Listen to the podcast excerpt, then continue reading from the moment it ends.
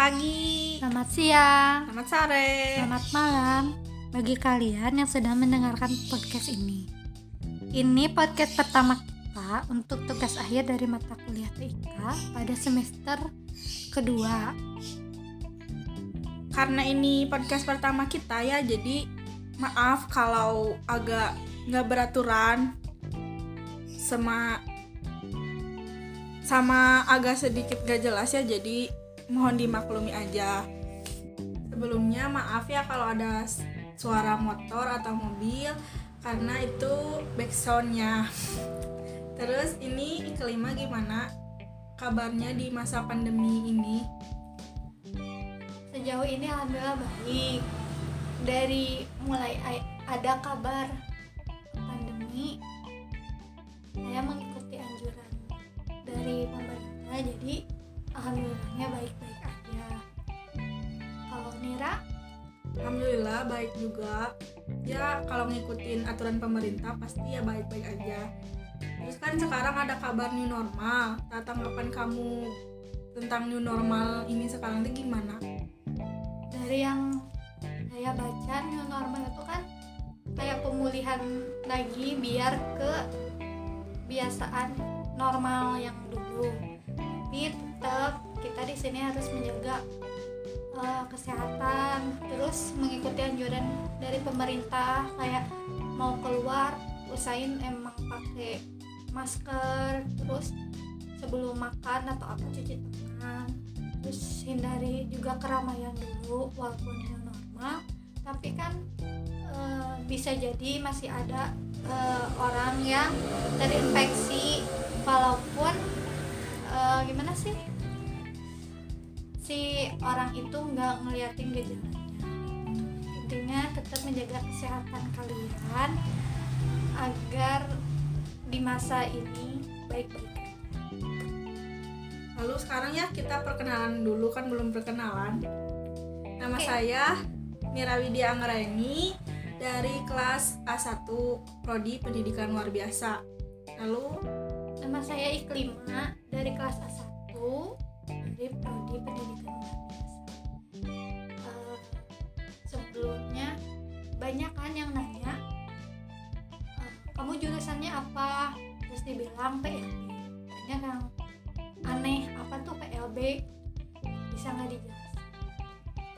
kalau aku ya PLB kan pendidikan luar biasa buat jadi pendidik anak yang berkebutuhan khusus. Nah awalnya tuh kan nggak ada kepikiran buat masuk PLB, buat jadi guru juga nggak ada kepikiran. Cuman ada temen yang suka ngajak gitu ke ke sekolah luar biasa. Nah di situ tuh kan lihat anak-anak berkebutuhan khusus jadi kan pengen gitu pengen jadi guru juga nanyain ke orang tua juga didukung soalnya kan pro- prospek kerjanya juga bagus nah kalau iklima gimana kenapa bisa masuk PLB gitu? Sebelumnya kan PLB itu kayak eh, mendidik kata Mira kan mendidik buat anak berkebutuhan khusus. Nah sebenarnya banyak yang bilang kalian nggak takut kalian nggak tapi eh, kenapa bisa masuk? Soalnya dari kecil ibu sama maksudnya hampir sekeluarga tuh masuk jurusan ini. Terus dari kecil juga ikut eh, apa sih kayak ke sekolahannya terus lihat emang udah biasa jadi dari kecil pengen jadi guru PLB tapi bukan gara-gara pengen doang emang diri sendiri pengen jadi guru gitu. Kayak lucu aja gitu rame lihat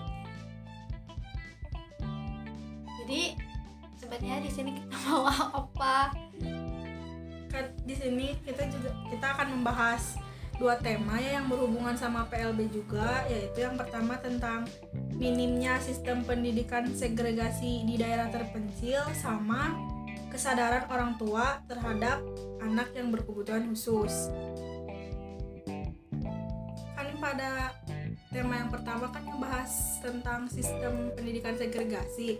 Nah, pendidikan sistem segregasi itu apa? jadi seperti sepengetahuan saya dilihat di uh, Google juga ya sistem pendidikan sistem segregasi itu sekolah yang memisahkan anak berkebutuhan khusus dari sistem persekolahan reguler. Jadi di Indonesia bentuk sekolah segregasi ini berupa satuan pendidikan khusus atau sekolah luar biasa sesuai dengan jenis kelamin peserta didik seperti SLBA jadi uh, ada berbagai macam uh, sekolah. Uh, yang pertama ada SLBA untuk anak tunanetra SLBB untuk anak tunarungu SLBC untuk anak tunagrata SLBD untuk anak tunadaksa SLBE untuk anak tunalaras dan lain-lain. Uh, ada juga sekolah yang tidak cuma satu uh, ke berkebutuhan khususnya. Kalau dari pendidikan segregasi sendiri ada berapa jenjang jenjangnya apa aja? Jadi satuan pendidikan khusus terdiri atas jenjang ada TKLB, SDLB, SMPLB, dan SMA. Jadi hampir dari satu sekolah itu uh, mencakup semua jenjang kalau dari sistem pendidikan segregasi sendiri apa sama sama sistem pendidikan sekolah pada umumnya uh, se jadi sebagai satuan pendidikan khusus maka sistem pendidikan yang digunakan terpisah sama sekali dari sistem pendidikan di sekolah reguler baik kurikulum, tenaga pendidik, dan kependidikan sarana prasarana sampai pada sistem pembelajaran dan evaluasi apakah dari sistem pendidikan segregasi juga ada kelemahannya? Jadi kelemahan dari sekolah segregasi ini antara lain aspek perkembangan emosi dan sosial anak kurang luas karena lingkungan pergaulan yang terbatas. Mengapa sih daerah-daerah yang terpencil sering kali tidak menjadi perhatian pemerintah, sedangkan kota-kota yang besar selalu tercukupi fasilitasnya?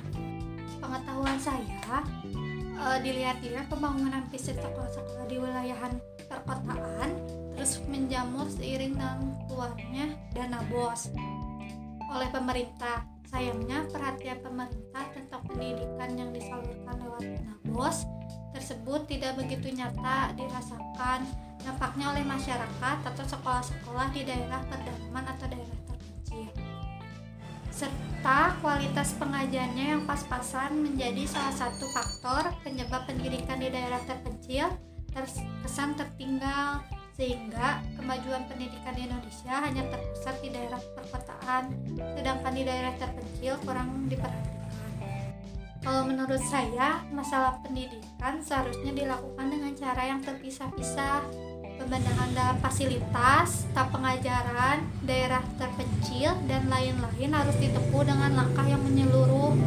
Tidak hanya memperhatikan dari kenaikan anggaran saja, tapi semuanya harus diperhatikan. Sebab akan percuma saja jika anggarannya diberikan tinggi, tapi pencapaian pembenahan terhadap fasilitas tidak terlaksana, maka akan menimbulkan masalah sangat disayangkan sumber daya manusia dan mutu pendidikan menjadi rendah. Mungkin cuma segitu ya pembahasan buat tema yang pertama. Sekarang kita lanjutkan ke uh, tema yang kedua tentang kesadaran orang tua terhadap anak berkebutuhan khusus. Bagaimana pendapat kamu tentang orang tua yang memiliki anak berkebutuhan khusus? Kalau pendapat aku ya, kan gak sedikit ya orang tua yang punya anak berkebutuhan khusus. Pasti susah juga kalau buat ngurusnya. Nah jadi ya sedikit orang tua yang susah mengakui kalau anaknya tuh punya punya kelainan kalau pendapat saya sendiri uh, maksudnya orang tua yang memiliki anak berkebutuhan khusus bukannya itu satu berkat itu tersendiri agar uh, orang tua bisa lebih mengurus dengan baik gitu. sebenarnya nggak perlu sih apa sih yang namanya malu gitu aku juga pernah dengar cerita ya dari kakak temen aku ya yang juga ngajar di SLB di daerah yang cukup terpencil juga. Beliau beliau pernah bercerita katanya saat sekolahnya melakukan penjaringan untuk mencari murid SLB dan mensurvei ke rumah-rumah yang sebelumnya beliau sudah mendapatkan data dari desanya, tapi saat datang ke rumahnya malah ada yang menolak atau bersikeras anaknya normal dan akan disekolahkan di sekolah umum dan bahkan juga ada yang orang tua yang menolak dan tidak membukakan pintunya. Kalau dengar ceritanya miris ya. Kan kalau orang tua aja malu dan menutup mata terhadap kelainan dari anaknya terus bagaimana bisa mereka tumbuh kembang dan mendapatkan pendidikan yang baik? Sementara orang tuanya aja enggan mengakui kelainan anaknya. Terlepas dari anak ABK deh ya anak normal aja perlu dukungan penuh supaya mereka dapat bertumbuh berkembang dan mendapatkan pendidikan yang baik. Apalagi anak berkebutuhan khusus. Orang tua bahkan harus bisa lebih berperan aktif dalam berkembang dalam perkembangan tumbuh kembang dan untuk mengembangkan pendidikan, pendidikan dan pembelajarannya. Karena orang tua merupakan orang terdekatnya juga hubungan orang tua dan anak sudah pasti mempunyai ikatan khusus tersendiri. Jadi, orang tua akan lebih bisa memahami apa yang dirasakan anaknya. Mungkin orang tua harus mendapatkan sosialisasi dari orang yang lebih memahami tentang anak berkebutuhan khusus e, agar orang tua sadar bahwa memiliki anak berkebutuhan khusus bukan hal yang hina soalnya sepengetahuan saya kalau anak berkebutuhan khusus dididik mereka akan memiliki suatu kelebihan kayak menjahit, bernyanyi, bermain alat musik, pandai dalam bidang olahraga juga. Terus uh, anak yang memiliki apa sih IQ yang lebih dari rata-rata itu juga bisa disebut anak berkebutuhan khusus bisa dibilang itu gifted. Jadi eh, nggak uh, apa sih nggak sama sama orang yang lain itu juga termasuk anak berkebutuhan khusus. Pengetahuan saya sih gitu. Jadi segitu aja tema yang dibahas kali ini. Untuk uh, kesimpulan dari tema yang pertama sebaiknya pemerintahan lebih memperhatikan wilayah-wilayah terpencil, terpencil juga agar setiap anak mau itu anak yang normal atau anak yang berkebutuhan khusus dapat mendapat mendapatkan pendidikan yang layak dan baik. Lalu untuk kesimpulan dari tema yang kedua, sesuai dengan pembahasan tadi ya, mau itu anak berkebutuhan khusus ataupun bukan, orang tua harus tetap mendukung penuh anak dan memberikan pendidikan yang sesuai dengan anak itu sendiri. Jadi jangan jadi orang tua yang egois dengan tetap bersikukuh menyekolahkan anaknya di sekolah umum padahal tahu kalau anaknya membutuhkan pelayanan pendidikan yang khusus.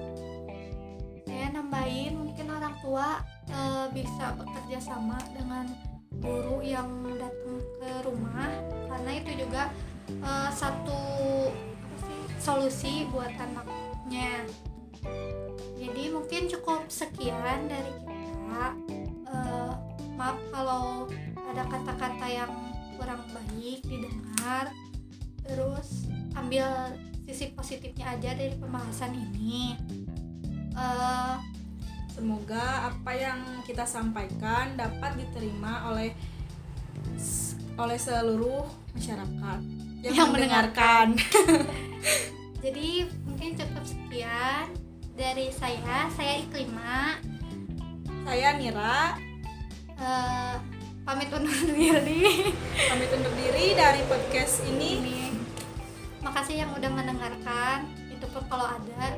Ibu terima kasih karena uh, ngasih tugas ini jadi kita bisa berpendapat dan ada pengalaman baru cukup sekian assalamualaikum warahmatullahi wabarakatuh. Dadah